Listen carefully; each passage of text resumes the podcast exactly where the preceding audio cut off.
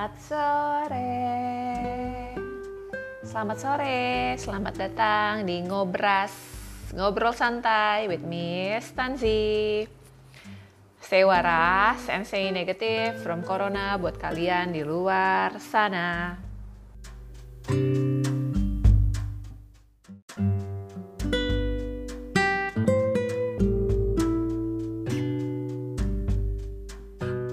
Baiklah, sebelum saya mulai episode ke-8 saya, kita mulai dulu yuk main games dulu yuk biar kalian tuh konsentrasi ya. Cukup jawab dalam hati atau kalian boleh teriak terserah. Toh gue juga nggak kedengeran ya. Jawab cepet, oke? Okay? Pertama, ready? Pertanyaan pertama, kalian pilih nyanyi atau nari? Yang kedua, kalian pilih Coca-Cola atau Pepsi? Yang ketiga, kalian sukanya komedi atau horor? Yang keempat, kalian hamburger atau hotdog. Yang kelima, buku atau film. Yang keenam, coklat atau vanila. Yang ketujuh, summer atau winter. Yang kedelapan, cinta atau uang. Yang kesembilan, pancakes atau waffle. Yang kesepuluh, perpustakaan atau museum. Sudah dijawab semuanya? Sudah, sudah, sudah. Ada pertanyaan yang sulit? Tidak ada? Ya, bagus ya. Intinya kalian sudah mencoba menjawab. Disimpan aja dulu jawabannya ya.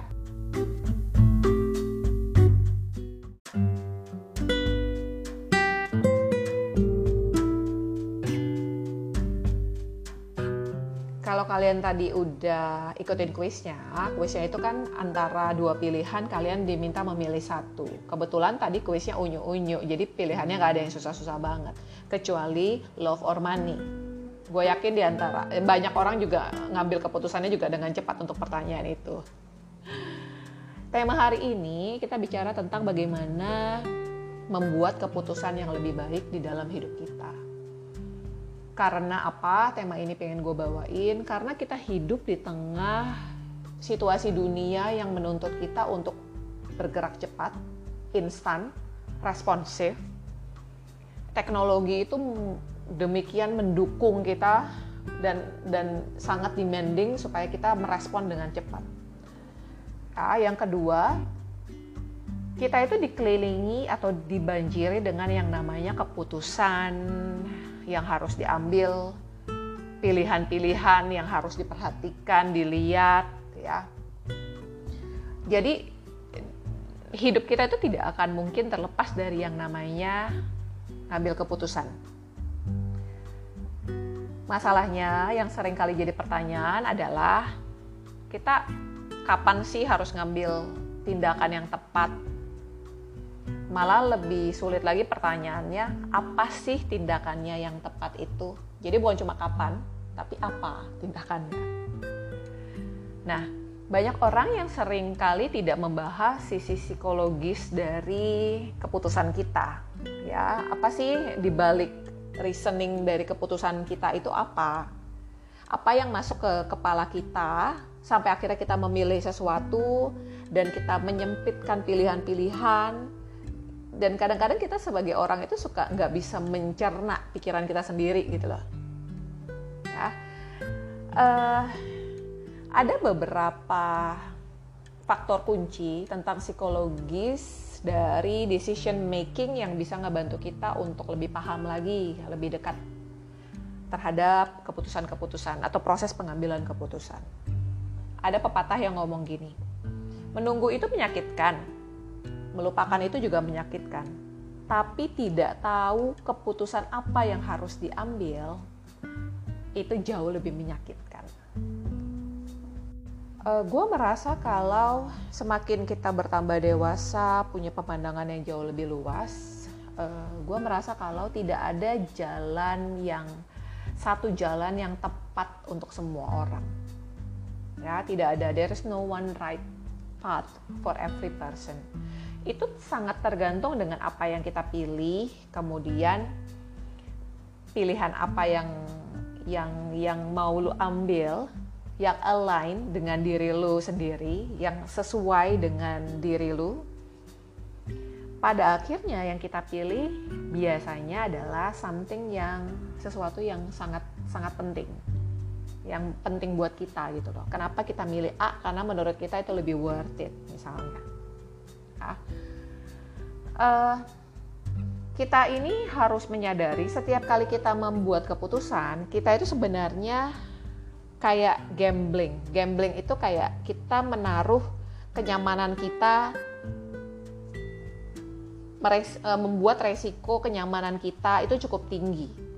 Ya, kita itu amat sangat beresiko loh saat kita mengambil keputusan. Resiko apa sih yang kita taruh atau taruhan apa sih yang kita kita letakkan gitu ya?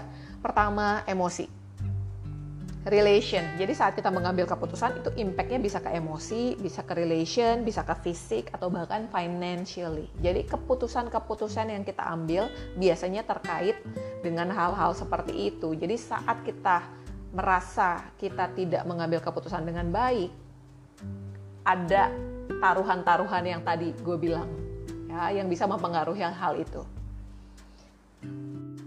Kenyataannya kita sebagai manusia kita tidak suka mengambil resiko sebenarnya. Ya.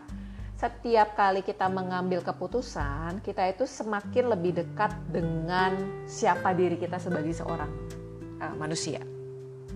Ya, kita mulai perlahan-lahan dengan keputusan yang diambil kita mulai melihat benang merahnya dengan values, nilai-nilai yang kita punya, dengan moral kita, dengan tujuan kita, dengan intensi kita, ya. Dan itu bukan cuma bukan cuma sekedar ngambil keputusan. Ada orang yang kayaknya enggak kok gue nggak mikir saat ngambil keputusan, tapi kalau digali lagi dari sekian banyak keputusan yang kita ambil itu banyak dig in, ngerti gak sih? Jadi keputusan yang diambil itu sebenarnya menggali kita lebih dalam lagi, lebih dalam lagi, mencari benang merahnya dengan nilai-nilai yang kita punya, dengan goal yang kita punya. Ya, banyak banget orang yang tidak sadar itu. Mereka cuma mikir ya ngambil keputusan ya udah ya pilih aja, semua ada resiko. Hmm, tapi sebenarnya setiap kali kita ngambil keputusan kita tuh kayak bawang gitu loh. Kayak makin dibuka lagi layernya. Kenapa kita milih ini? Pasti ada arah alasannya di balik itu ya. Nah di sini ada beberapa fakta yang yang bisa kita kita coba pelajari supaya kita bisa ngerti gimana ya cara ngambil keputusan dengan lebih baik ya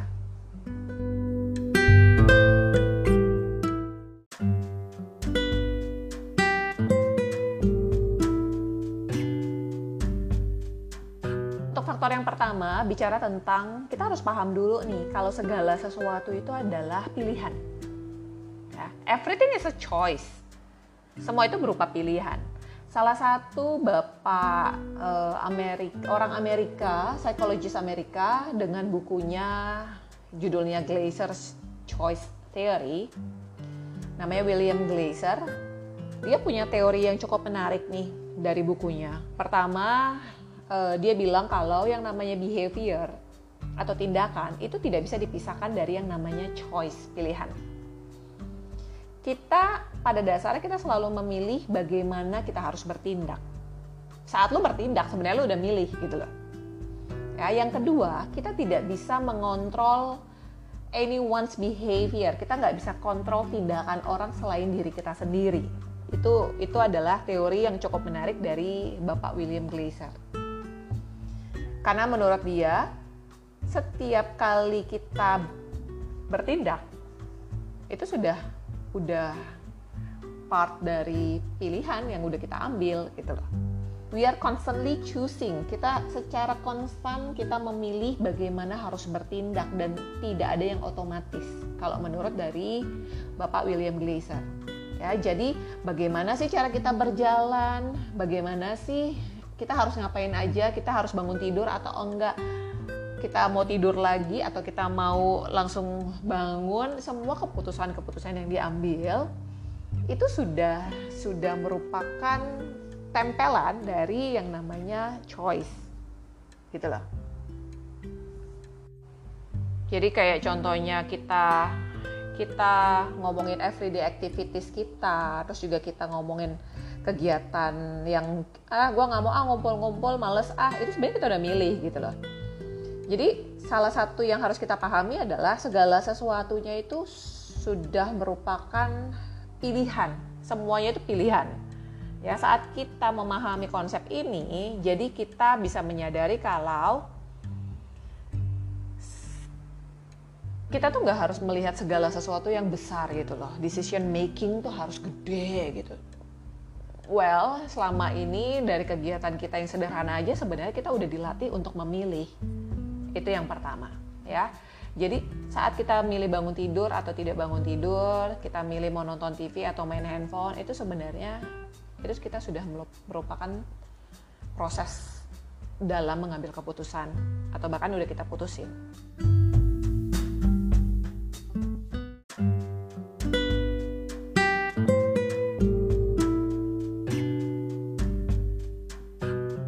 Yang kedua, kita bicara tentang gimana sih caranya membuat keputusan yang didasari dari sesuatu yang kita percaya. Contohnya, ada orang-orang kan yang sering banget ngasih tahu kita kayak udah deh lo ikutin aja kata hati lo kata hati tuh nggak pernah bohong. Ikutin aja insting lo nah untuk saran-saran yang seperti ini buat beberapa orang susah banget dicerna mungkin buat kalian orang termasuk orang yang susah mencerna saran-saran seperti itu. Karena bisa jadi kalian sendiri aja nggak percaya gitu sama yang namanya kata hati atau insting kalian. Ya kalian aja nggak percaya kalau itu bakal benar. Tapi ada orang lain di luar sana yang percaya kalau itu bakal benar atau mengarahkan ke hal yang benar. Nah gua sendiri melihat kalau tipe orang tuh ada beda-beda ya. Jadi kalau misal kalian tahu Enneagram itu salah satu teori zaman dulu banget yang membagi karakter orang itu menjadi sembilan jenis karakter. Dan karakternya itu didasari dari motivasi mereka. Apa sih yang bikin mereka termotivasi? Apa sih yang ngedrive mereka gitu loh. Jadi ada sembilan jenis. Nah kalau sembilan jenis itu bisa kita pecah nih jadi ada orang yang misalnya lebih mendengarkan intuisi ada orang yang lebih mendengarkan isi kepalanya, jadi pikiran dia mainnya lebih ke logika. Ada satu lagi feeling. Ya, intuisi sama feeling memang agak susah dibedain. Ya, feeling itu mungkin lebih ke emosional, intuisi itu kayak sesuatu yang nggak bisa lo explain gitu. Kayak lo lo mungkin nggak ada emosi apa pun yang muncul, tapi intuisi lo kayak ngebisikin aja gitu. Jawabannya A gitu. Kayak lo lagi ujian A B C D E gitu ya. Aduh yang mana nih intuisinya nih? Semuanya tampak benar gitu. Secara emosi semuanya tampak baik. A B C D E tapi kayaknya mm, B D gitu. Nah itu insting ya. Tapi kalau feeling itu lebih ke aduh kok feeling aku nggak enak sih kalau aku ngambil ke kok kayak kayak gue ngerasa kayak nggak sejahtera sih? Ya. Ada orang kayak gitu betul? Ada banget ya. Jadi intinya lo harus cari tahu dulu lo itu tipe yang seperti apa. Kalau lo orang sudah percaya basicnya lo orang misalnya gue percaya banget sama logika gue sama anali, ana, analisa gue dasari keputusan kalian based on itu. Jadi percayalah atau mengambil keputusan didasari dari sesuatu yang kalian tahu kalian kuasai atau kalian percaya. Itu loh.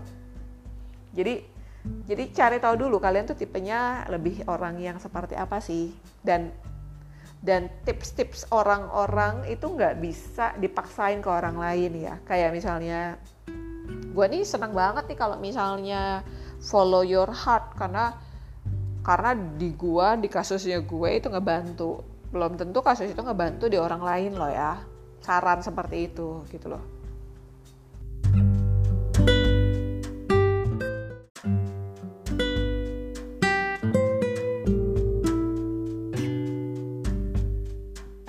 Untuk yang ketiga, kita bicara satu teori yang menarik nih.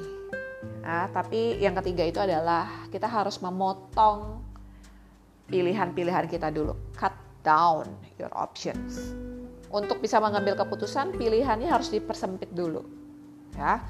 Salah satu teori yang menarik adalah paradox of choice.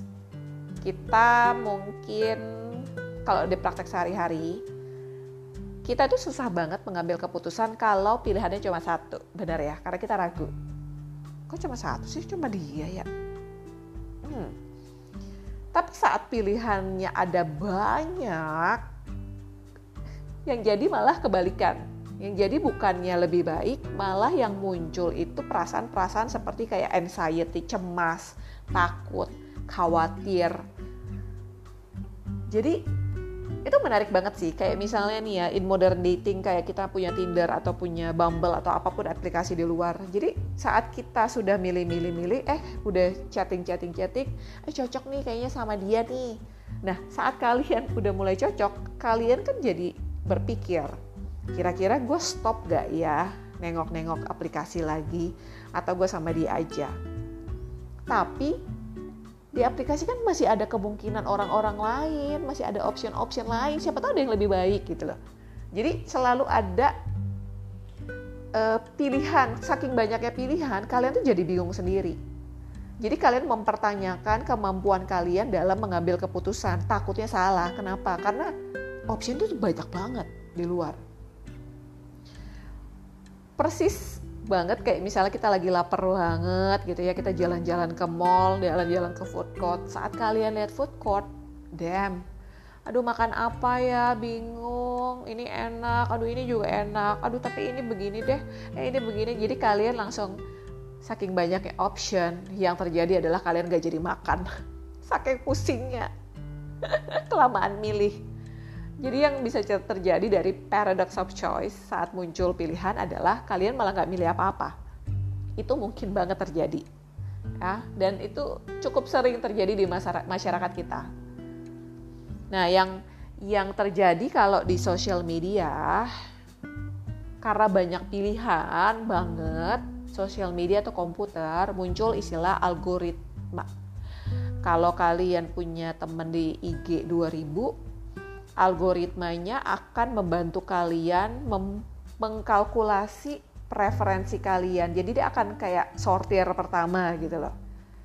Sortir yang yang memilihkan apa-apa aja yang harusnya muncul di home kalian, siapa-siapa aja nih. Terus kemudian kayak kalau kalian di search kok munculnya uh, preferensi teman-teman kalian. Cuma dari 2000 teman yang muncul kan cuma orang-orang itu itu lagi itu, itu lagi ya kan? Algoritmanya seperti itu.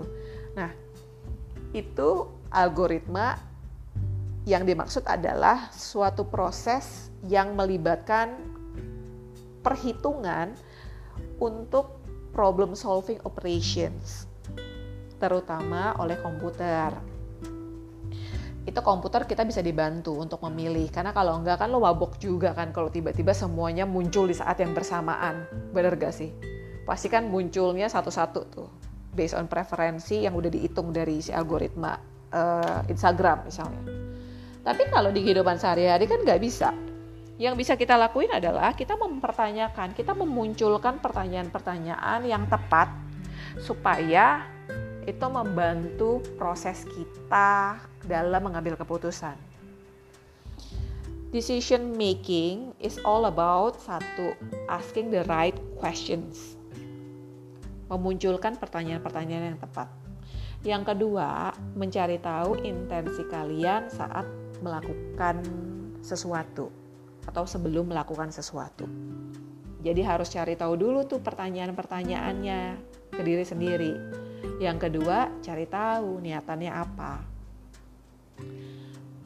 Pasti hal-hal seperti ini banyak didasari dari pengalaman kita yang sebelumnya.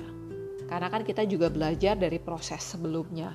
Saat kita mengambil keputusan, bisa jadi salah, bisa jadi benar, bisa jadi mengecewakan. Kita belajar. Ya. Tapi dengan kita mempertanyakan diri sendiri sebelum kita ngambil keputusan, itu mempertajam mempertajam proses berpikir kita. Jadi itu membantu kita supaya kita bisa mengambil keputusan lebih baik. Jadi itu adalah algoritma manual yang kita kasih ke diri sendiri. Misalnya pertanyaan apa sih? Saat kalian mau ngambil keputusan A, resikonya apa? Keputusan B kayak gimana? terus kemudian ada gak alternatif solusi kemudian uh, apa ya kira-kira yang bisa terjadi kalau saya ngambil keputusan A, keputusan B. Kira-kira perasaannya gimana ya? Kira-kira pandangan orang kayak gimana? Pertanyaan-pertanyaan yang seperti itu mungkin bisa lebih tajam lagi tergantung dari uh, masing-masing case-nya.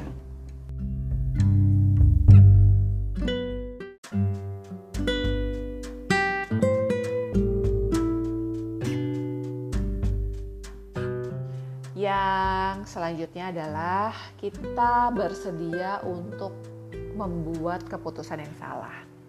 Bersedia loh bahasanya ya. Bersedia tuh maksudnya kalian tuh harus sadar kalau misalnya kita ini manusia. Kita ini manusia, otak kita mengambil keputusan yang sulit dan mengambil keputusan itu juga sendiri bukan hal yang menyenangkan. Itu sulit dan rapuh. Kenapa rapuh? Karena yang tadi dibilang di awal setiap kali kita ngambil keputusan kita semakin dekat lagi dengan insecurity kita sebenarnya. Dan makin bisa dikin lagi ke diri kita untuk melihat benang merah ke value-value yang kita ambil, moral yang kita punya dan lain sebagainya. Jadi itu bukan hal yang yang nyaman dilakukan oleh yang namanya manusia.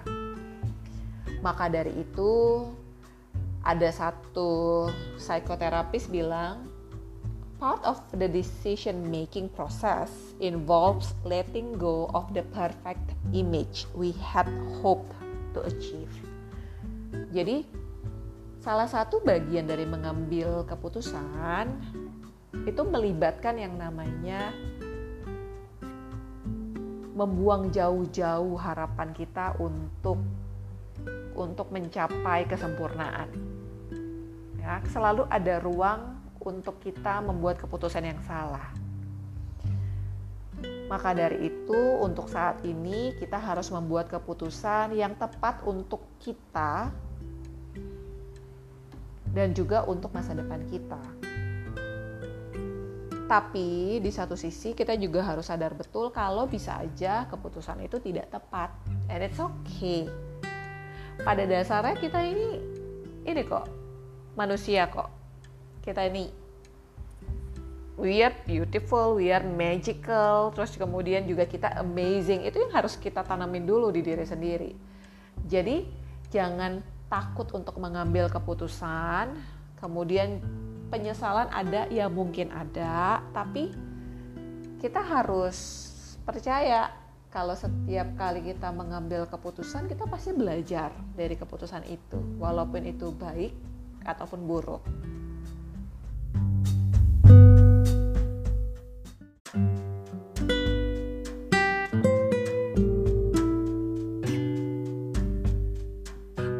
Kalau tadi itu adalah beberapa hal yang pengen gue share terkait dengan proses pengambilan keputusan ya. Banyak banget di luar sana orang yang masih galau di tengah persimpangan ini. Itulah di tengah pilihan A B C D E lah. Well at the end of the day you have to make a decision. Selama apa pun lo ngedelay waktunya pada akhirnya kita harus tetap mengambil keputusan right? Jadi kalau misalnya gue boleh share, salah satu keputusan yang terberat gue adalah yang pertama resign dari kantor yang udah kerja 9 tahun kantor pertama untuk berhenti menjadi seorang full time yoga teacher yang notabene pasti penghasilannya tidak stabil ya Kemudian juga banyak melibatkan aktivitas fisik yang kita tahu kalau itu pun ada umurnya, ada masanya.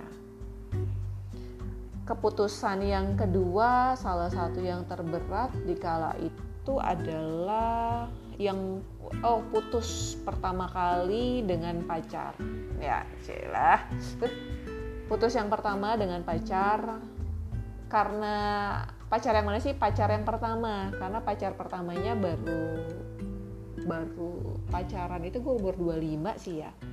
Pacaran 4 tahun 4 setengah tahun.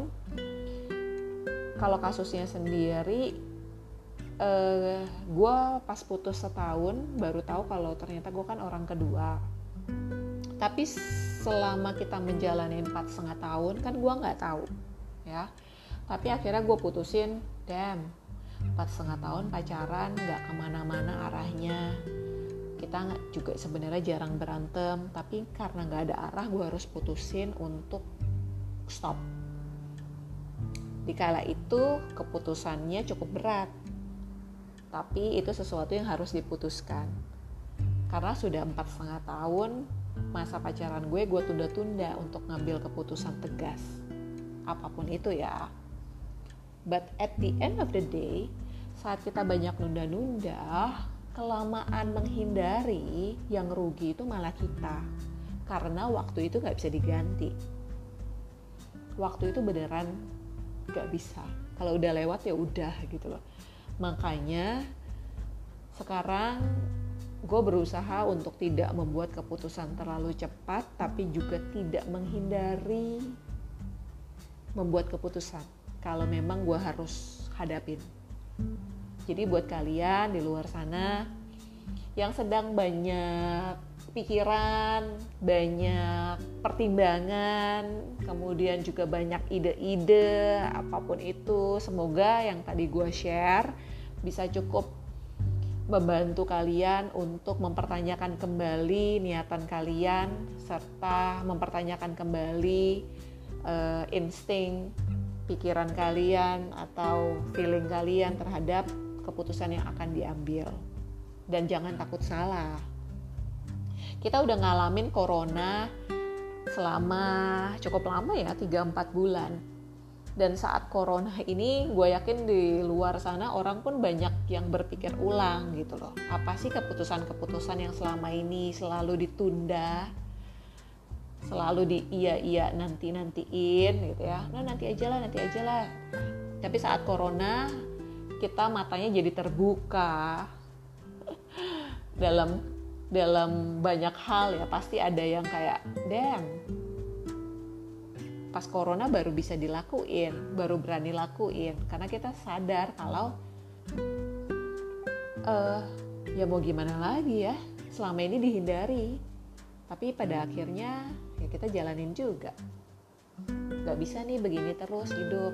Saat corona datang itu cukup mengguncang hidup kita sehingga kita dipaksa secara sadar atau tidak untuk mengambil keputusan baru.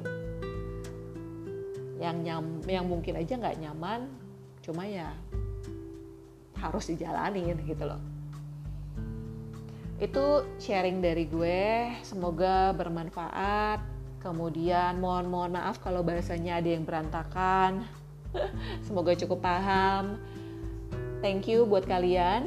Jangan lupa untuk stay waras dan juga stay away, stay negative from corona. Jangan ngumpul-ngumpul di kerumunan.